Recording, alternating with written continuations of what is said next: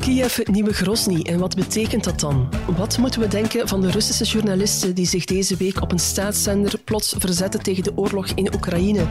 En hoezo duikt daar plots een crisispook op? Moeten we echt bang zijn van een recessie of laten we dat over aan de hypochonders en doemdenkers? Ik ben Anne van den Broek, dit is Lopende Zaken.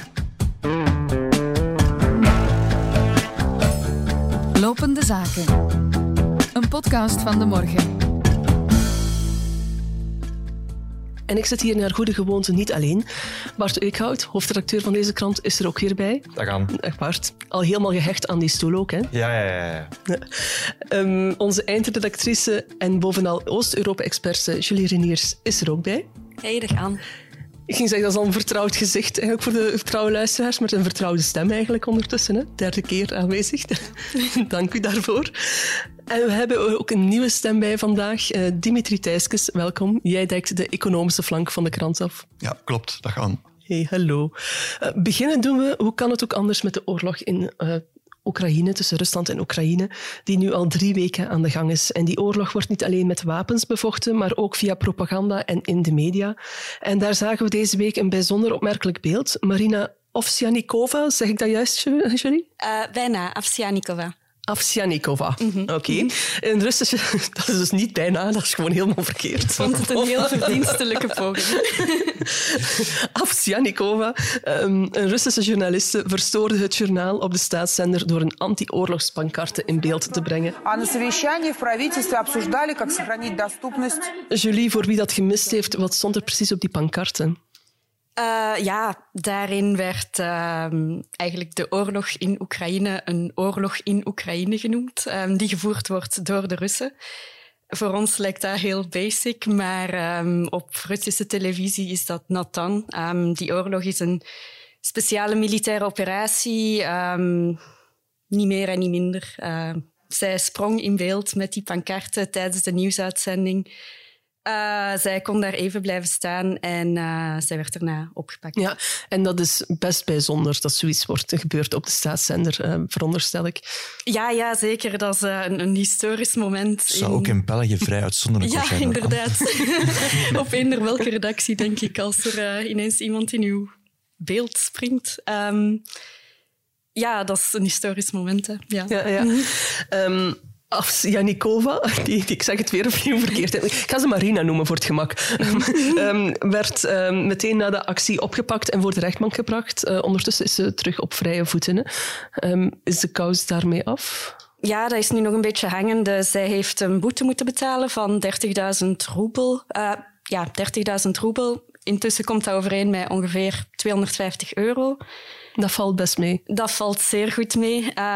maar... Uh, ja, in principe kan zij nog aangeklaagd worden uh, voor de strafrechtbank en uh, jarenlang in een uh, strafkamp verdwijnen. Het is niet duidelijk of dat gaat gebeuren. Ik dacht dat de boete alleen gold voor het filmpje dat ze vooraf heeft opgenomen om haar daad aan te kondigen. Dus ik denk niet, ik weet niet of ze al helemaal veroordeeld is voor het echte verstoren van de ja. publieke orde zelf. In ieder geval, dat, is, dat zijn de feiten van de afgelopen week. de reden waarom dat we het er nu over hebben is dat er ook wel enige twijfel bestaat of discussie over is van was dat echt een protestactie of was het in scène gezet?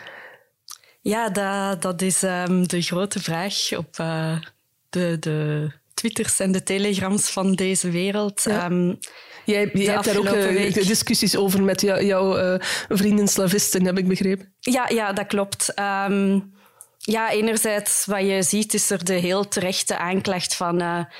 ja, kijk, zij springt uh, een paar seconden in beeld, ze protesteert heel eventjes, maar ondertussen heeft ze wel al die jaren meegewerkt aan de propaganda voor uh, Pierre Kanaal, het eerste kanaal. Ja, heeft ze mee de, de breinen van de mensen vergiftigd, heeft ze mee haat gezaaid. En dan klinkt het bij heel veel mensen van, ja, kijk, excuses niet aanvaard, sorry. Um, jij bent geen held, jij mm -hmm. bent deel van het systeem en dit maakt niks goed. Anderzijds is er um, de theorie die circuleert, complottheorie misschien, um, dat uh, het eigenlijk in scène gezet zou zijn met als idee om uh, te tonen van kijk, er zijn ook heel veel goede Russen. Um, die, die, uh, ja, die, die de dingen zien zoals ze zijn en om daarmee eigenlijk het draagvlak te verkleinen voor sancties in het Westen. Tegen Rusland. Ja, inderdaad. En dat zou dan de drijfveer vanuit de Poetin-strekking zijn om dit in scène te zetten? Uh, ja, maar um, ja, zelfs oppositiemedia zoals um, Medusa, um, ja, zij gaan daar niet in mee in die theorie. ook de Oekraïnse president Zelensky heeft daar geloofd. Navalny heeft ook uh, over haar gesproken tijdens uh, zijn tot nu jongste rechtszaak. Dus het, het, lijkt mij niet meer dan een hm. complottheorie. Ja. ja, en voordat wij hier verdacht worden om van in iedere Rus een ex-KGB'er te zien, um, ook de Russen en Oekraïners uh, zijn niet vies van een complottheorie te bedenken, hè? toch? ja, ja. Um, daar is een, een hele lange traditie van wantrouwen in de overheid, zeg maar. Um, dat uh, is ook bewezen door bijvoorbeeld de vaccinatiecampagne in Rusland, die ja, niet zo geweldig goed liep, om het zo maar te zeggen, terwijl uh, die vaccins wel heel hard gepusht werden. In Oekraïne ook, zeker voor het uitbreken van, van de oorlog. Als je met mensen gaat praten, hoor je allemaal theorieën over um, de, de achterliggende drijfveren van de mensen aan de macht. Uh, ja, daar is een heel laag vertrouwen in die overheid, maar tegelijkertijd zie je wel dat beide samenlevingen ja, dat daar een heel sterke maatschappelijke consensus leeft um, over hoe de dingen ervoor staan en wat er moet gebeuren. Um, in Rusland heb je de, de consensus over de Krim, zelfs de, de mensen die uh, ja, zeg maar een beetje lauw staan tegenover Poetin, en dat zijn er geweldig veel, uh, vergis u daar niet in, vinden dat wel heel vanzelfsprekend dat de Krim bij Rusland hoort. Um, ja. In uh, Oekraïne, ja, als, als we de, de peilingen mogen geloven, die nog altijd gehouden wordt, wat was het, 75, 80 procent, denk ik dat ze zeiden. het staat nog altijd volop uh, achter, achter uh, die claim van uh, nee, Donetsk en Luhansk zijn van ons, wij moeten blijven vechten. Idem voor de Krim.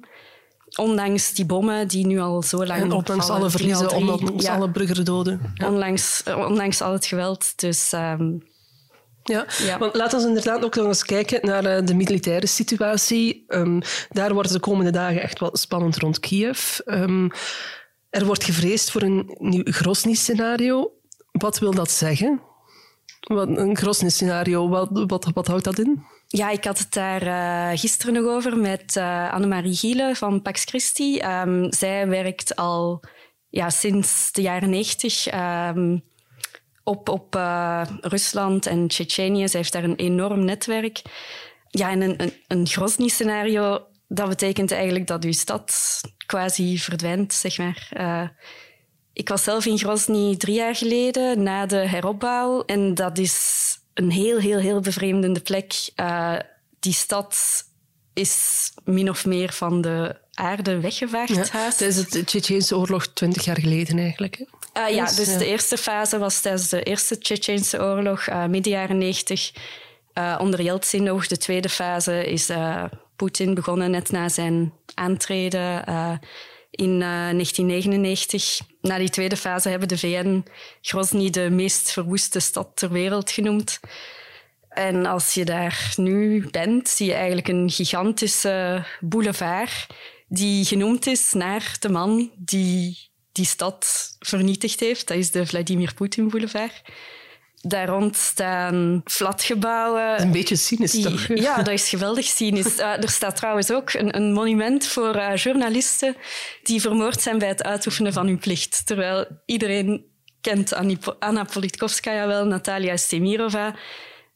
Ja, die, die kerel die daar zit, Ramzan Kadyrov, die heeft een geweldige verantwoordelijkheid om niet te zeggen ja, dat want dat is de gewezen uh, Tsjetsjeense rebellenleider die dan zijn kar gekeerd heeft en door Rusland in zadel gehesen, is als president. Uh, ja, dat is uh, een, een, heel bijzondere figuur. Niet het type dat je als je buurman wil, hè? Niet meteen, nee. Ja, er zijn nu ook uh, van geruchten op Twitter had hij ook gezegd dat hij in Oekraïne zit. Klopt dat? Uh, ja, dat is ook een hele goede vraag. Um, hij heeft zo'n filmpje getoond. Uh, maar de volgende dag was er al een ander filmpje op zijn Telegram-kanaal waar hij belangrijke mensen uit Moskou ontving in Grozny. Mm -hmm. de uh, persverantwoordelijke van Poetin, Dmitri Peskov, uh, die heeft zelf gezegd: Kadyrov in Oekraïne, geen idee, wie okay. weet. Ja. Um, maar ja, zijn, zijn troepen vechten er wel. Mhm. Dat is heel duidelijk. Um, tegelijkertijd vechten er ook Tsjetsjeense troepen aan de Oekraïnse kant.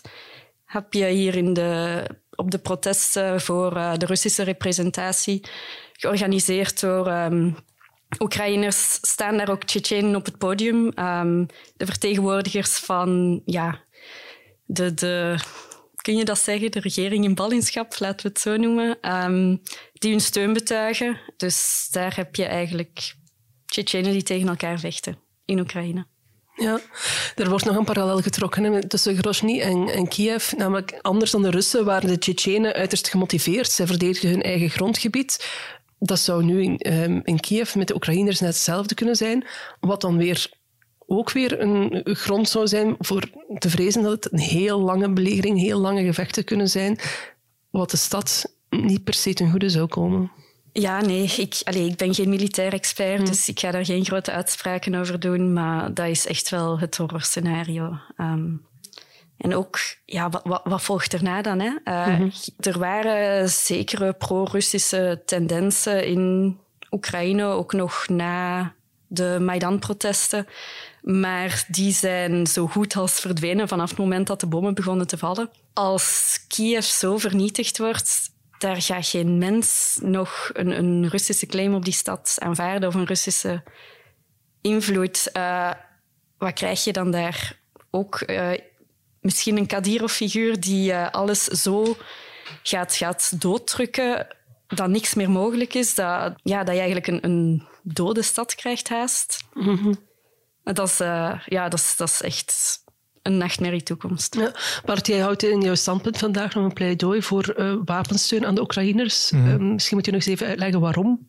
Wel, um, wat je nu vaak hoort is um, ja, dat, dat de, de, de oorlogs- of de krijgsverrichtingen een beetje vastzitten. De, Russen, hun, de invasie van de Russen lijkt alleszins toch op zijn minst veel trager te lopen dan ze aanvankelijk zelf hadden gedacht. Dus daar zitten een aantal dingen niet goed. Um, en, en wat je dan hoort is dat, dat, dat van dat moment eigenlijk gebruik moet gemaakt worden om, om uh, de vrede alle kansen te geven. Hè. Er zijn op dit moment ook diplomat, het is ook wel druk diplomatiek overleg, voornamelijk uh, onder organisatie van Turkije. En daar wordt ook wel met een slakkengangetje een beetje vooruitgang geboekt. Het lijkt niet helemaal onmogelijk dat daar ergens aan de horizon een soort vredesakkoord verschijnt. En dus zeggen mensen, ja, we moeten misschien beter stoppen met de Oekraïnse kant helpen zich te verdedigen, zodat uh, ja, het, het oorlogsgeweld uh, niet, niet nog verder toeneemt. Hè, dat de escalatie niet nog verder wordt gestimuleerd. Um, ik ben het er niet helemaal mee eens, of soms eigenlijk helemaal niet mee eens. Het klopt wel dat um, de Russen het niet uh, helemaal niet, niet zo makkelijk hebben op dit moment. Maar ze hebben wel natuurlijk een gigantisch overwicht in, in, in, in, militaire, in militaire macht. Wat ze dus uiten door uh, ja, uh, heel gruwelijke, cynische bommencampagnes, een beetje willekeurig uh, en of zelfs heel bewust op, op burgerdoelwitten te richten. Dat zie je dan vooral in de, Mariupol. Um, en als je dan zegt van ja, we gaan Oekraïne niet helpen om zich te verdedigen, dan werk je eigenlijk de, de, de, de capitulatie van, van Oekraïne in de hand. En dat kun je ook een vorm van vrede noemen. Hè? Dat, dat Oekraïners met uh, de handen op de rug gebonden aan de onderhandelingstafel ja, moeten verschijnen. De, witte vlag zwaaien. Ja, maar dan krijg je eigenlijk capitulatie in plaats van vrede. En dat lijkt me niet uh, de meest wenselijke, rechtvaardige vorm van vrede die we op dit moment kunnen bedenken. En dus denk ik dat uh, ja, de minst slechte oplossing toch is dat we blijven helpen om, om, om, om de Oekraïners zichzelf te laten verdedigen, zodat er toch een vorm van gelijkwaardigheid aan die onderhandelingstafel mogelijk mhm. blijft. Hoe sta jij daar tegenover, Julie? Ja, ik ben het eens met wat Bart zegt. Um, ergens is dat ook een tactiek van de Russen die we al eerder gezien hebben. Um, in Syrië, in, in ook. Op een bepaald moment gaan ze de, de burgers zodanig terroriseren dat de mensen alleen nog maar willen dat het voorbij is. Is dat, is dat een eerlijke oplossing? Is dat vrede? Nee. Hm. Ja, er wordt ook gesuggereerd dat die vredesonderhandelingen vooral als doel hebben voor Rusland om tijd te winnen, om mhm. zich te hergroeperen, mhm. om, om, het leger te herorganiseren. Misschien is dat ook wel, ligt dat ook wel in de achtergrond bij die onderhandelingen die momenteel gevoerd worden. Ja, dat denk ik wel. Ik denk, denk niet dat op dit moment uh, Rusland al groot belang heeft bij het, uh, het echt afronden van, van die onderhandelingen, omdat ze op dit moment ja, vrij veel te verliezen hebben. Hè. Mhm. Ehm, ik denk de, de, meest, de, de, de meest bediscussieerbare claim die nu nog op tafel ligt, is dat ja, Rusland dus op zijn minst eist dat de, de Donbass-regio en Luhansk definitief uh, bij hen worden aangehecht. Ja, dat is, voor, uh, dat is op dit moment kunnen zij die op het terrein niet, niet hard maken, die eisen, omdat zij op andere punten uh, te weinig, ja, het klinkt misschien heel cynisch, maar te weinig militaire druk kunnen zetten. Dus zij moeten eerst nog ja, uh, hun, operaties moeten op dit moment nog succesvoller worden voor zij dat echt kunnen gaan eisen. Dus op in, die zin volg ik wel wat Dimitri zegt, dat het nog maar de vraag is hoe ernstig die onderhandelingen die nu lopen uh, echt zijn. Anderzijds, um, stel dat het uh, echt um, niet helemaal naar wens blijft gaan voor de Russen, dan denk ik niet dat de logische volgende stap is dat Rusland zich gaat terugtrekken en, uh, en gaat doen uh, van ja jongens, sorry, mislukt, volgende keer beter. Ik denk hm. dat er uh, nog heel, helaas zijn er nog heel veel andere mogelijkheden voor escalatie voor Rusland. Hè. En dan heb ik het dan over het gebruik van, van, van tactische kernwapens, wat, dus, heel, dus kernwapens die met precisie worden ingezet.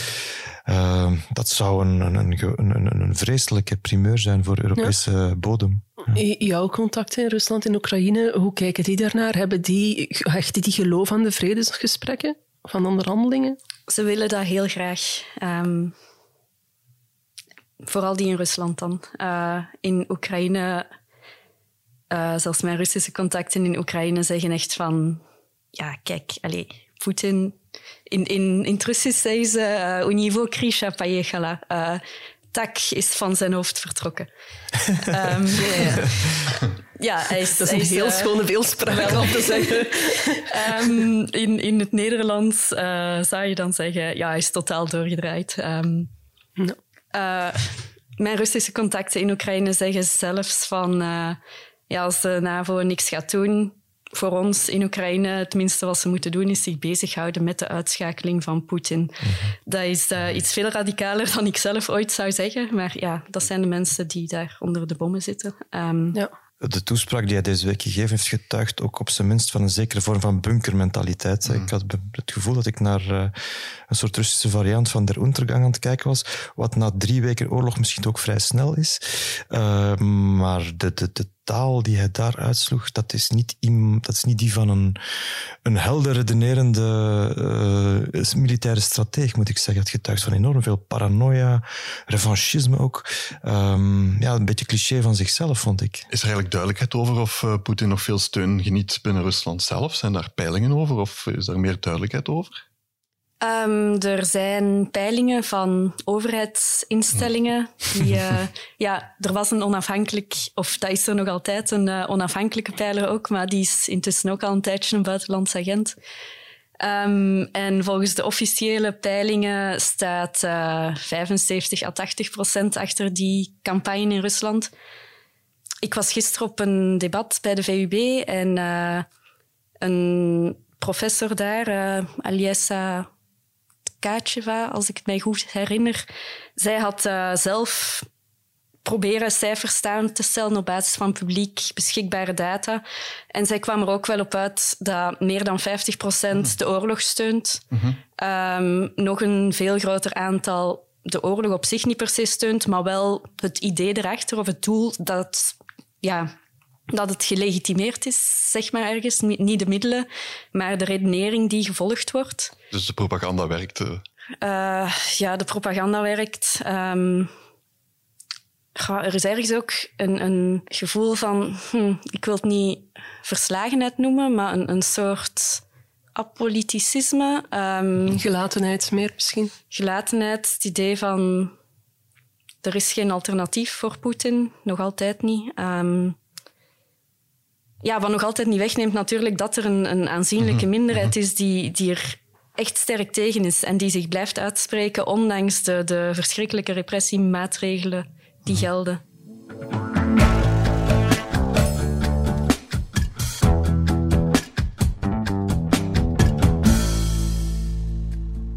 Zeer veel landen zien vandaag ook in dat als die gasprijzen totaal losgeslagen zijn, als dat prijzen zijn die totaal niet meer overeenstemmen met de realiteit, ja, dat je dan moet ingrijpen. Hier zie je dat dit gewoon ja, onze, onze maatschappij, onze economie zoveel schade aan het toebrengen is. Mensen betalen prijzen die bijna onbetaalbaar uh, geworden zijn. Die uh, crisis nu in Oekraïne is een heel andere crisis. Die zorgt ervoor dat uh, er heel veel onzekerheid is in de markt, dat ook hele stukken aanvoer vanuit Oekraïne, Rusland wegvallen, waardoor er tekorten kunnen zijn. En dan is de vraag natuurlijk welke impact gaat dat op onze economie hebben.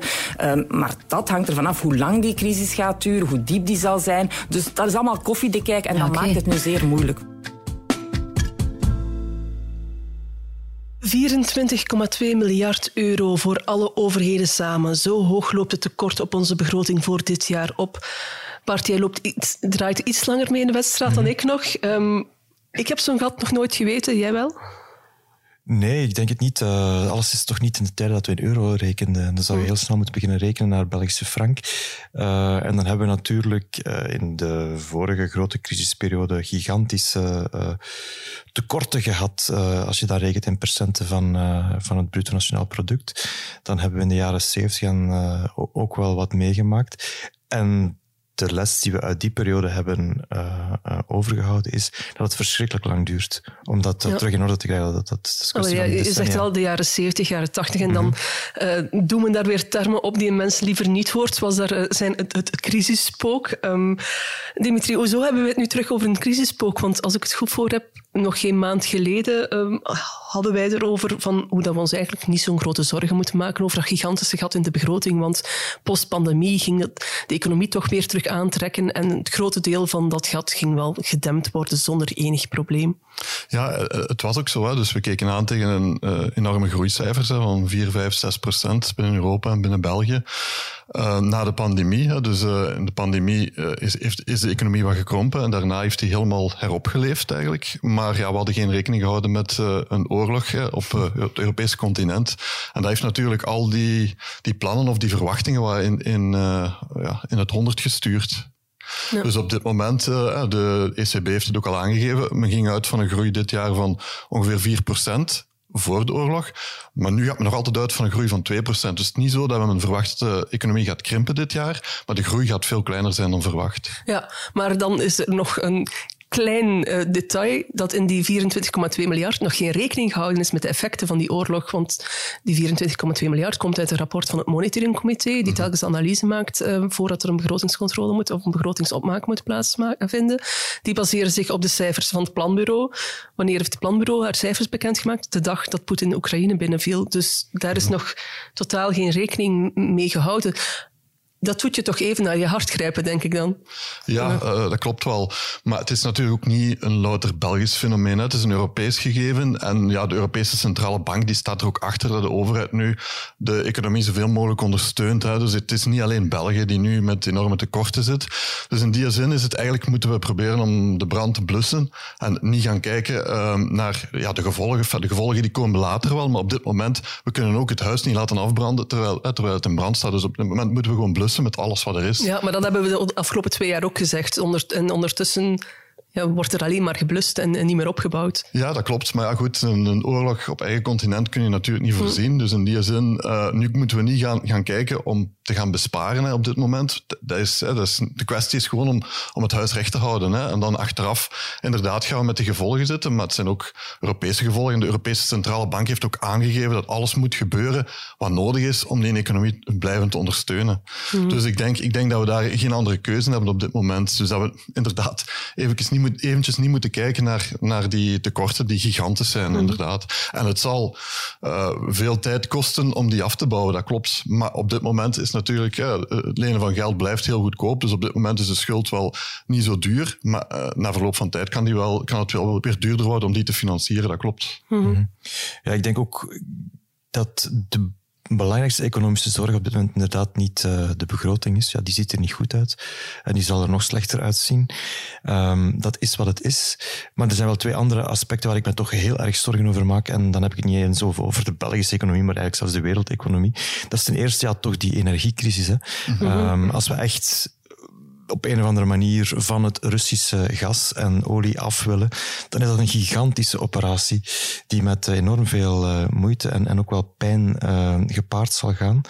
En die um, ja, alleen al door, door de prijsstijging van, van de energieproducten ja, bedrijven in, in, in, problemen gaat brengen. Hè. En, en dus als je zegt bedrijven in problemen brengen, dan, dan spreek je over toenemende werkloosheid. En dan wil ik het nog zien of we die 2% groei gaan volhouden. Want daarbij komt dat het niet alleen over energie gaat, we hebben het heel vaak over energie, maar we moeten het ook dringend eens gaan hebben over landbouw en over voedselvoorziening. Mm -hmm. Ik denk niet dat we uh, naar een nabije toekomst gaan waarin er in, bij ons bij de bakker geen brood meer zal liggen. Maar in uh, andere landen, uh, niet zo heel ver hier vandaan, in Noord-Afrika, uh, is het echt wel een heel reëel probleem dat er gewoon ehm, als er al graan zal zijn om uh, broodproducten uh, te maken, dan zal het onbetaalbaar zijn. Mm. En dat gaat in die regio's tot uh, regelrechte hongersnood leiden. En we weten dat hongersnood een enorme drijfveer is voor opstand, voor, voor migratie. En dat is dus ook alweer vlakbij, uh, vlakbij Europa. Dus dat is iets wat we op dit moment er even niet kunnen bij, maar het, het, het staat wel te gebeuren. Dus ik, um, ik vrees dat wij moeten rekening houden met een veelkantige crisis waarvan we nu nog, uh, waarvan we de top nog niet gezien hebben. Mm -hmm. Nu ja, ik denk dat we daar wel. Alles hangt gewoon af van, van, van de ene man die in het Kremlin zit. Hè. Mhm. Hoe lang gaat die mhm. oorlog nog duren? Omdat op dit moment zijn er geen tekorten qua gas en olie, omdat de gaskraan of de oliekraan nog niet is dichtgedraaid. Dus op, op dit moment is het gewoon het speculeren op die future-markten, die ervoor zorgt dat die prijzen stijgen. Mhm. Dat men verwacht, er gaat iets gebeuren. Maar als er nu eh, een, een utopisch scenario misschien, maar als er volgende week een vredesakkoord zou zijn, die prijzen van, van olie en gas gaan onmiddellijk terugdalen. Hè. En dan heeft Europa wel meer. Uh, meer uh, tijd om die transitie in te zetten. Nu moet het allemaal veel sneller gaan. Als men, als men opnieuw zou kunnen rekenen op lagere prijzen, gaat dat iets makkelijker gaan. Hè? Maar men moet, die transitie moet gebeuren. Hè? Men moet af mhm. van die afhankelijkheid van uh, Russisch gas of Russische energie. Maar dat is wel een van de gevolgen gaat wel zijn dat die prijzen dan onmiddellijk kunnen dalen. Ook. Dus alles hangt gewoon af van, van wat ja. Poetin beslist. Of hij beslist om nog maanden door te gaan. Ja, met als jij nu naar de situatie kijkt, zeg je dan van ja, een recessie dat is effectief een, uh, dat staat ons te wachten? Of is dat iets van onheilsprofeten? Uh, een recessie, um, voorlopig uh, zit dat er niet aan te komen. Zelfs in de, in de slechtste scenario's gaat, gaat de Europese Centrale Bank daar voorlopig niet van uit. Maar ja, um, alles, alles hangt opnieuw van die, van die oorlog af. Hoe lang gaat dat nog duren? Als dat een kwestie van weken is, denk ik niet dat we met een recessie te maken gaan krijgen. Als het echt nog maanden is, of, of misschien in het slechtste geval zelfs jaren, ja, dan, ja, dan weten we nu op dit moment niet wat de gevolgen zijn. Dat is ook het moeilijke. Hè? Dus je zit met zoveel onvoorspelbare factoren. Als je het aan uh, tien economen vraagt, krijg je elf meningen. Hè? Dus het is, het is mhm. heel moeilijk om nu die inschatting te maken. Ja, en die, ja. die ja, sorry, ja, ik zou daar graag nog eventjes op inpikken. Ik ga zeker niet betwisten wat Dimitri zegt um, over de energieprijzen. Maar uh, de, de landbouwvraag, de graanvraag, ja. die, is, uh, die is veel dringender. Um, er moet nu gezaaid worden. Mm -hmm. uh, en Rusland en Oekraïne samen is goed voor 30 procent mm -hmm. van de wereldwijde graanvoorraad. Als er nu niet gezaaid wordt, en het gaat niet, dan niet alleen over dat zaaien, maar ook over het, het bemesten en zo, um, ja, dan gaan we een gigantisch probleem hebben. En dan, als je binnen een paar weken een vredesakkoord hebt, is dat misschien wel goed voor de energieprijzen mm -hmm. dan. Maar die effecten op, uh, op, op de landbouw ja, we, we naderen het punt waarop dat onvermijdelijk wordt. Het, het, klinkt alsof je zegt dat de mensen die nu al in de supermarkten uh, de pasta en uh, de zakken bloem aan het hamsteren zijn, dat dat de slimmeriken zijn. Ja, hamsteren zorgt natuurlijk altijd voor een vicieuze cirkel. Eh, self-fulfilling prophecy. um, dus ik, zeg, ja, ik ga niet mensen aan Hoe zit het in uw voorraadkast, Julie? um, met die van mij gaat het goed, dank u. Nee, als ik daar nog even mag op, op inpikken, dat klopt inderdaad. Hè. Dus in, voor de voeding is het inderdaad gaan de effecten langer voelbaar zijn, dat klopt. Maar we zijn daar iets minder afhankelijk van, van uh, Rusland en Oekraïne. Maar wat Bart zegt klopt wel. Hè. De Noord-Afrikaanse landen, dat zijn landen die 80% van hun, van hun graan invoeren vanuit Rusland en Oekraïne. Daar gaat de nood natuurlijk veel groter zijn. Dus daar gaan de gevolgen veel sterker zijn. En het probleem is daar inderdaad dat die effecten langer doorwerken. Nu, op dit moment is dan altijd, uh, er zijn wel voorraden genoeg te hebben. Bakkers ook al aangegeven van er is nog voorraad, we kunnen nog wel een heel tijdje verder. Dus er is nog genoeg mm graan voor nog maanden verder te kunnen. Maar als, niet, als er niet gezaaid wordt inderdaad op dit moment, kan dat wel effecten hebben voor later dit jaar. Dus daar kunnen die, die prijsstijgingen kunnen wel langer doorwerken dan uh, bij de energie. Ja, ja, maar er zijn ook dingen waar dat de federale regering gaat proberen om het leed voor de burger toch een beetje te verzachten, hè, voor de consument. Ja, of zou moeten proberen. Ja, dus, dus deze week een, eh, een tweede luik uh, gebreid aan het energieakkoord. Hè. Um, zowel op Vlaams niveau worden er eh, extra subsidies voorzien om toch iets sneller over te gaan naar isolatie van woningen en um, het, het, het, overschakelen op warmtepompen. Dus al met al vrij bescheiden, moet ik zeggen. Maar goed, iedereen zal doen wat hij kan, zeker. Dat geldt ook voor de federale overheid, waar dus een aantal beslissingen zijn getroffen die in de lucht hingen. Hè. Dus de, de aardgas-BTW eh, gaat nu ook naar 6 procent. Eh, mhm. Er komt een check uh, om voor mensen die met stookolie verwarmen een beetje te ontzien. Dat zijn allemaal dingen die um, heel erg logisch klinken op dit moment maar tegelijkertijd ook een beetje wrang. Hè? Het, uh, ja, je zit eigenlijk uh, de consumptie te stimuleren van producten uh, die eigenlijk duur worden omdat er schaarste wordt voorspeld. En dus het, het, het, uh, het, het logische gevolg in de economie van het stimuleren van producten die schaars zijn, is dat die producten nog duurder worden. Want mensen gaan nog meer mm. ruimte krijgen om dingen te kopen die er eigenlijk niet zijn. Um, dus, dus in die zin is het een beetje een, een, een is het enerzijds iets waar ik van begrijp dat regeringen uh, ja, niet, niet anders kunnen dan, dan, dan het doen, want, want ja, de facturen zijn er nu eenmaal en mensen willen daar een of andere politieke actie tegenover zien. Dus ik denk dat dat regeringen gedwongen worden om dit te doen. Maar er zijn genoeg uh, economen in of rond de regering om te, te, te, te, erop te wijzen dat dit misschien niet zo'n geweldig vooruitziend beleid is. Mm -hmm. Ja, en zo dient de nieuwe crisis zich uh, alweer aan, terwijl dat de vorige um, mm -hmm. uh, nog uh, nauwelijks verteerd is en dat de huidige, de oneenigheid over de kernuitstap, nog niet volledig beslecht is. Daar wordt as we speak over gepra gepraat in, in de kern. Hè. Um, corrigeer mij als ik mis ben, maar dit is een uitdaging waar iedere regeringsploeg uh, het Spaans benauwd van zou krijgen. Laat staan een die zo'n bonte coalitie is als deze Vivaldi-regering. Ja, dat is zo. Maar daar zit dan natuurlijk ook wel een beetje een uh, positieve kant aan. Ik denk dat we een paar weken geleden hier uh, samen zaten en heel somber keken naar mogelijke akkoord over die kernuitstappen, de, de, de posities mhm. heel erg tegengesteld waren. Ja, de oorlog heeft eigenlijk voor iedereen duidelijk gemaakt dat het nu wel compleet van de gekke is om een regering te laten vallen. En heeft ook duidelijk gemaakt ja, dat, er, uh, dat het ook een klein beetje van de gekke is om uh, extra gasproductie uh, te gaan stimuleren op het moment dat je toch echt moet proberen van die aardgas ja. af te geraken, waar ze ook vandaan komt. Um, dus dat heeft in die zin de posities een beetje uh, vloeibaar gemaakt. Maar het blijft natuurlijk een, uh, ja, een politieke strijd. Uh. Ja, en daar kwam dan deze week nog eens het nieuws bij dat de ontente tussen rood en groen in Gent zo goed als dood is dat is meer dan een lokaal fait divers. Ja, dat is een, uh, een ingewikkeld bruggetje dat je maakt aan.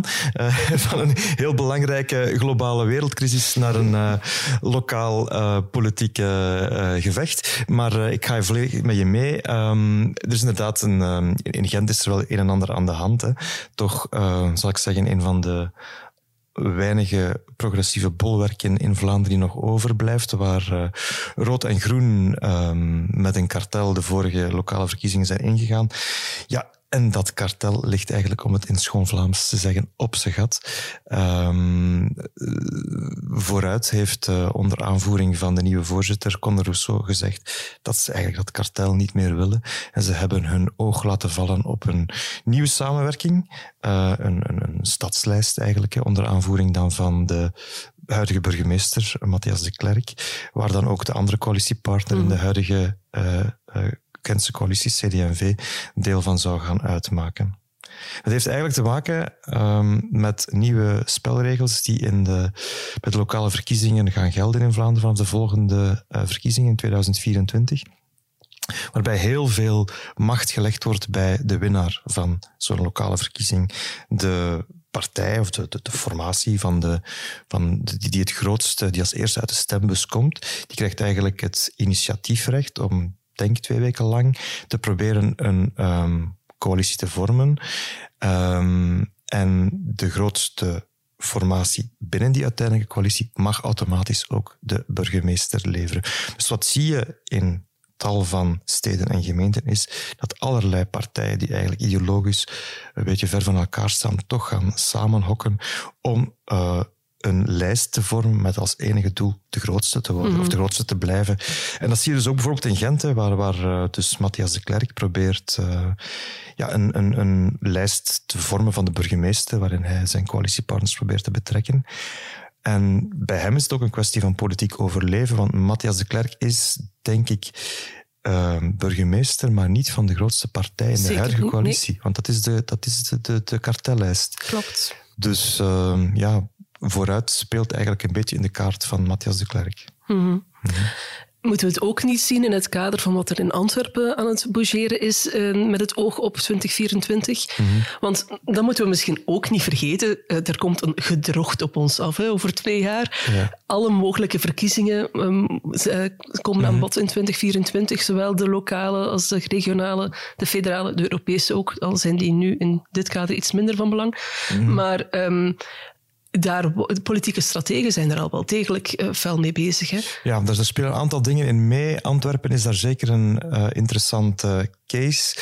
Uh, meer in het algemeen, en dan kom ik even terug op die progressieve frontvorming, zie je dat onder Conor Rousseau eigenlijk um, rood en groen uit elkaar aan het drijven zijn. Ja, waar dus... de vorige lokale verkiezingen nog heel fel ingezet mm -hmm. werd op samen in Antwerpen, dat er uiteindelijk niet van mhm. gekomen is. De kartellijst in, uh, in Gent uh, uh, ook, die dan nu gaat springen. Ja. Dus, dus, dus Rousseau heeft duidelijk een andere analyse gemaakt dat, um, dat de progressieve partijen beter uit de verf kunnen komen als zij een beetje afstand nemen van elkaar. En hij um, neemt dan eerder de positie in van zeg maar wat meer klassieke socialistische achterban, hè, de, de, de, de, zeg maar de, de, de, de arbeider, de, de, de, de, de korter opgeleide mensen, terwijl Groen dan um, zich veel richt op ja, de, de klassieke cosmopolitische, hoger hmm. opgeleide uh, stedeling.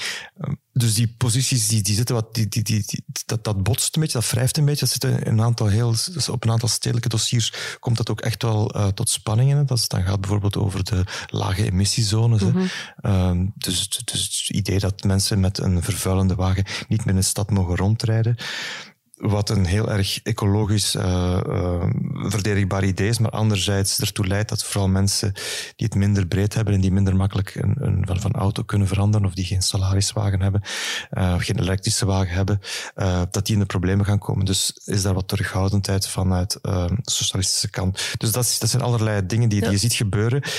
En in, in Antwerpen zie je bijvoorbeeld dat inderdaad vooruit het best wel goed kan vinden met de NVA. Klopt. En zie je ook dat Bart Wever nogal lonkt naar de CD&V eigenlijk om VLD, waar dat hij met open VLD moet ik zeggen, um, op voet van oorlog meeleeft, wat een publiek geheim is. Hè. Om, om, mm -hmm. Momenteel zit hij in een coalitie met open VLD en uh, ja, vooruit. Um, ik ging bijna SPA zeggen, maar dat, is, uh, dat mag niet meer. Hè. Nee. Uh, dus um, om voor een rooms-rood-gele as te gaan, iets wat dat dan ook zou kunnen werken, mogelijk op, uh, op Vlaams niveau? Wel ja, uh, de analyse is vrij helder. Als Bart de Wever de NVA toch terug in een federale coalitie wil takelen, wat toch belangrijk is als je de sleutels van de macht in het land in de hand wil krijgen, dan moet hij, dan, dan moet hij beweging krijgen in die partij die nu uh, de Vivaldi-coalitie uitmaken.